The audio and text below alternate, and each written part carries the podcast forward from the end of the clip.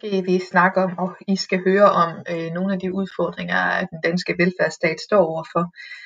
Øhm, vi har historie, og vi har også sådan generelt set snakket om den her opbygning af den danske velfærdsstat. Det her med, at man byggede mere og mere på, man gik fra det her øh, skønsprincip til retsprincippet, man gik fra, at velfærdsstaten var meget lille til, at den er kæmpestor, og at velfærdsstaten varetager enormt meget af det enkelte individs øh, sikkerhed, øh, sundhed, velfærd, alting. Øh, så den her velfærdsstat, der er blevet rigtig stor, rigtig langt hen ad vejen. Det her med, at den fylder så meget, staten har så stor en betydning, øh, gør også, at øh, velfærdsstaten nogle gange kommer til at stå lidt i nogle problemer, lidt i, øh, eller i hvert fald i, kan set som om den er for stor. Øh, og det skal jeg fortælle jer noget mere om i dag. Jeg vil starte med at fortælle jer om tre af de største præster på velfærdsstaten. Det, der virkelig gør, at øh, velfærdsstaten er enormt udfordret. Og så er vi at tage nogle af de så lidt underliggende efterfølgende. Men man kan snakke om forventningspresset, man kan snakke om popularitetspresset og omkostningspresset. Og øh, hvis man starter med forventningspresset, så handler det enormt meget om, at vi er i en situation, hvor vi forventer, at velfærdsstaten passer på os. Borgerne forventer, at velfærdsstaten vil øh, hjælpe, og velfærdsstaten vil øh, sørge for, at vi øh, ikke bliver, altså at vi ikke kommer til at stå alene. Der er et forventning om, at vi hvad hedder det, får penge fra staten, og at staten kan give os, hvad hedder det, rigtig mange forskellige ydelser, og at der er mange elementer, vi ikke selv behøver at, hvad hedder det, stå alene med.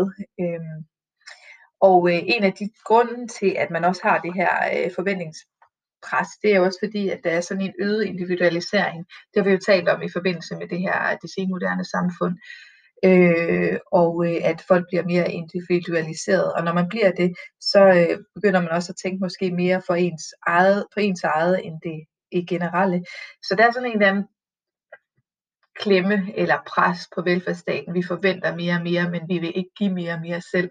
Og det er jo et problem, og det kan kobles meget tæt sammen med hvad hedder det, den her omkostningsklemme, det her med, at velfærdsstaten er rigtig, rigtig dyr øh, og velfærdsstaten øh, bliver dyrere og dyrere, fordi at øh, øh, man finder på flere og flere ting, der kan redde folk, øh, der kan helbrede folk, og de ting de er ofte dyrere og dyrere. Øh, så tingene bliver dyrere og dyrere. Det bliver også dyrere og dyrere øh, med øh, materialer og skoler og under, altså alting bliver dyrere og dyrere.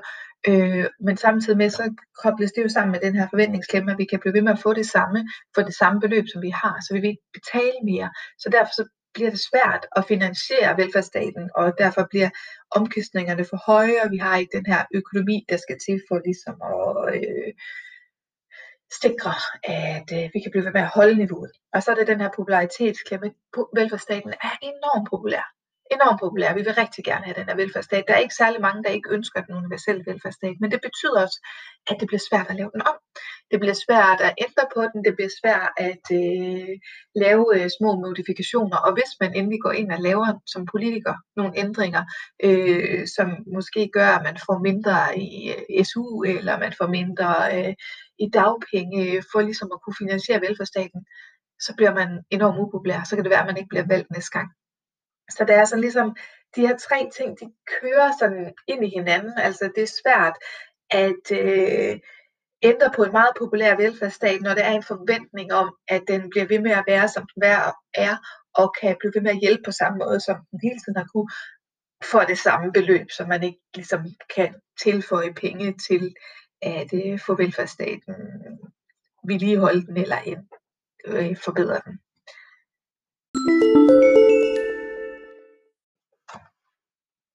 Det var så de øh, store, de tre største pres, som virkelig øh, både spiller med og imod hinanden. Øh, og så vil jeg lige fortælle jer lidt kort om øh, nogle andre forskellige pres. Der er også et, øh, det, man kalder et demografipres. Det er et vældig begreb, ikke? men demografi, det handler om befolkningssammensætningen. Og øh, befolkningssammensætningen i Danmark lige nu, det er, at vi har enormt mange ældre. Øh, ældre, der er gået på pension, tjener jo ikke som sådan ind til velfærdsstaten. De øh, får flere penge fra velfærdsstaten. Og når det er sådan, at man har så stor en gruppe af ældre, så skal, som er flere end dem, der rent faktisk finansierer den, altså dem, som er i den arbejdsdygtige alder, så øh, giver det jo en udfordring i forhold til at have råd til at blive ved med at øh, øh, have råd til pensioner og øh, plejehjem og sundhedspleje for de øh, ældre, vi har.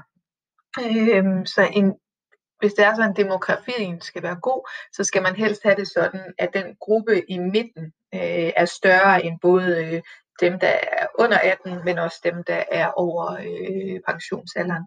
Og lige nu, der er der et demografipres i Danmark. Vi har øh, en demografisk udfordring. Så er der også øh, et sygdomspres, og det simpelthen øh, har noget at gøre med, at der er flere og flere kroniske sygdomme, der øh, i det danske samfund. Både forskellige slags, men også flere, der bliver ramt af sygdomme, der ligesom allerede er der. Øh, og jo flere, der er ramt af en eller anden sygdom, jo flere penge skal der også bruges på det, og det giver jo en udfordring, naturligvis, i forhold til økonomien igen. Så er der et, et teknologipres, altså det her med, at der er flere og flere øh, personer, der får... Øh, altså flere og flere ting, der bliver udviklet. Man kan mere og mere med computer, man kan mere og mere med øh, robotter, alle mulige forskellige ting. Man kan producere øh, medicin, man ikke har kunnet tidligere.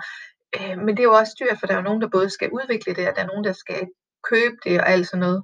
Øh, hvad hedder det? Øh, så derfor er der det her teknologipres. Så er der også et markedspres, øh, og det har noget at gøre med, at vi har det her system, hvor vi har enormt meget med staten, og det er statens sygehus og sådan noget, men der begynder at være et pres i forhold til, at der bliver et privat marked også. Og når der bliver et privat marked, så vil dem, der er rigeste i et samfund, vælge at tage derhen, og så bliver der en skævvridning. Ikke? Så vil de ikke betale for de statslige øh, mere, og øh, så, bliver det, så bliver der sådan en skævvridning og en skævhed i samfundet, fordi at man kan øh, flytte det her... Øh, flytte sin behandling væk fra det offentlige, øh, og så dermed opstår det det her markedspres. Og så er det med til at skabe et polariseringspres, nemlig den her risiko for, at det ikke er alle, der får adgang til de samme ydelser. Hvis du har råd til det, så betaler du dig måske fra en privat skole, eller du betaler dig fra at komme før i køen på et øh, privat hospital.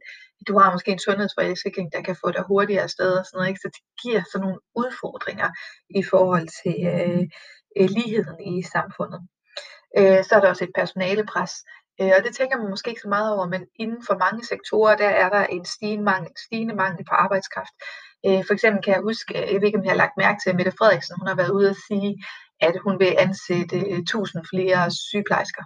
Og det jo lyder jo vildt godt, Problemet er bare, at der ikke nødvendigvis er tusind flere sygeplejersker at få. Der er ikke uddannet nok, der er ikke nok mennesker til det. Og sådan.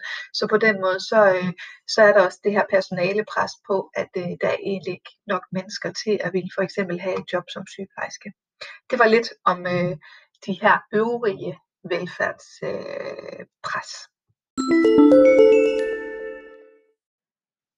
til allersidst så vil jeg lige læse noget højt for bogen for jer. Øh, I et forsøg på at præsentere nogle mulige løsninger på de udfordringer, som den universelle velfærdsstatsmodel står overfor, kan vi overordnet skelne mellem to strategier, en nedskæringsstrategi og en udvidelsesstrategi. Nedskæringsstrategien siger sig selv, at det handler om at foretage nedskæringer i velfærdsstatens serviceydelser. Det kan gøres ved at udlicitere flere offentlige serviceområder, det vil sige lade private virksomheder udføre opgaver, som det offentlige traditionelt har taget sig af. For eksempel kan private virksomheder overtage driften af børneinstitutioner og hjemmeplejen. På den måde vil det offentlige ikke være ansvarlig for eventuelle forudsete udgifter, og kan samtidig hyre den virksomhed, der kan yde den bedste service til den laveste pris. Reduktion i de offentlige udgifter kan også gennemføres ved at lade danskerne betale mere selv. Staten kan indføre brugerbetaling, for eksempel ved lægebesøg på uddannelser, hospitaler, biblioteker eller kørsel på veje. Road pricing hedder det. Dermed skal borgerne, der har behov for lægebesøg, at studerende kører på vejene osv. selv betale for den service, som det offentlige stiller til rådighed. Reduktionen kan også ske ved, at der skæres ned på de offentlige tilskud, for eksempel til ikke livsnødvendig medicin, idrætsanlæg, kultur osv. En sidste måde at ændre i fordelingen på er ved at indføre indkomstbestemte sociale ydelser. Det betyder, at de borgere, der selv kan betale, selv må finansiere for eksempel deres uddannelse, deres børn eller deres pensionisttilværelse hvor indførelsen af øget brugerbetaling kombineret med færre offentlige tilskud givet vil skabe større ulighed i samfundet, vil indkomstbestemte sociale ydelser sandsynligvis ikke skabe større lighed. Man kan også vælge at styrke det civile samfund og lade det overtage opgaver, der blandt pt. løses af velfærdsstaten. Det kaldes også for empowerment. Empowerment handler om at sætte folk i stand til at handle selv. For eksempel kan man styrke og udvide initiativer som besøgsvenner, omsorgsgrupper og andet frivilligt arbejde. Ideen er at give den enkelte borger øgede muligheder for at opnå indflydelse på eget og andres liv på en meningsfuld måde, således at borgeren kan sørge for sin egen velfærd. Den anden strategi, som diskuteres meget intenst, er det, vi kalder for udvidelsesstrategien. Strategien handler om at udvide den danske arbejdsstyrke. Som nævnt er problemet med den voksne ældre generation, at den er relativt udgiftstung for velfærdsstaten, samtidig med at der er færre i den arbejdsdygtige alder til at finansiere denne udgiftsstigning. Som vi kan se i figur 9,2, så er der flere muligheder for at udvide arbejdsstyrken. En måde er ved at øge immigration, det vil sige at Danmark kan forsøge at tiltrække udenlandsk arbejdskraft og derved udvide arbejdsstyrken. Immigration vil kunne øge de danske virksomheders muligheder for at ansætte kvalificeret arbejdskraft, og denne ville kunne sikre vækst, økonomisk og teknologisk udvikling. Dermed vil virksomhederne bedre kunne klare sig i den internationale konkurrence. Borgerne vil i højere grad have sikkerhed for jobs, og velfærdsstaten vil have et mere sikkert finansieringsgrundlag. En anden løsning kan være at udvide arbejdsstyrken ved at få danskerne hurtigere ud på arbejdsmarkedet. Det vil sige at få danskerne hurtigere igennem uddannelsesforløbet. Fremdriftsreformen fra 2013 og den nye VK, den tidligere VK, LA-regeringens forslag til ændringer på de videregående uddannelser kan ses som konkrete eksempler på denne strategi. En tredje løsning er at få danskerne til at blive længere tid på arbejdsmarkedet. Det vil sige, at man for eksempel sætter pensionsalderen op. I forbindelse med forliget omkring tilbagetrækningsreformen tilbage i foråret 2011, beslutter man blandt andet, at danskerne fra år 2022 først kan gå på pension, når de er fyldt 67 år. Formålet med tilbagetrækningsreformen var at øge arbejdsstyrken således at danskerne bliver længere tid på arbejdsmarkedet og dermed kan bidrage i længere tid til finansieringen af velfærdsstaten. Og desuden sigter reformen på at reducere det offentliges udgifter til overførselsindkomster, efterløn og folkepension.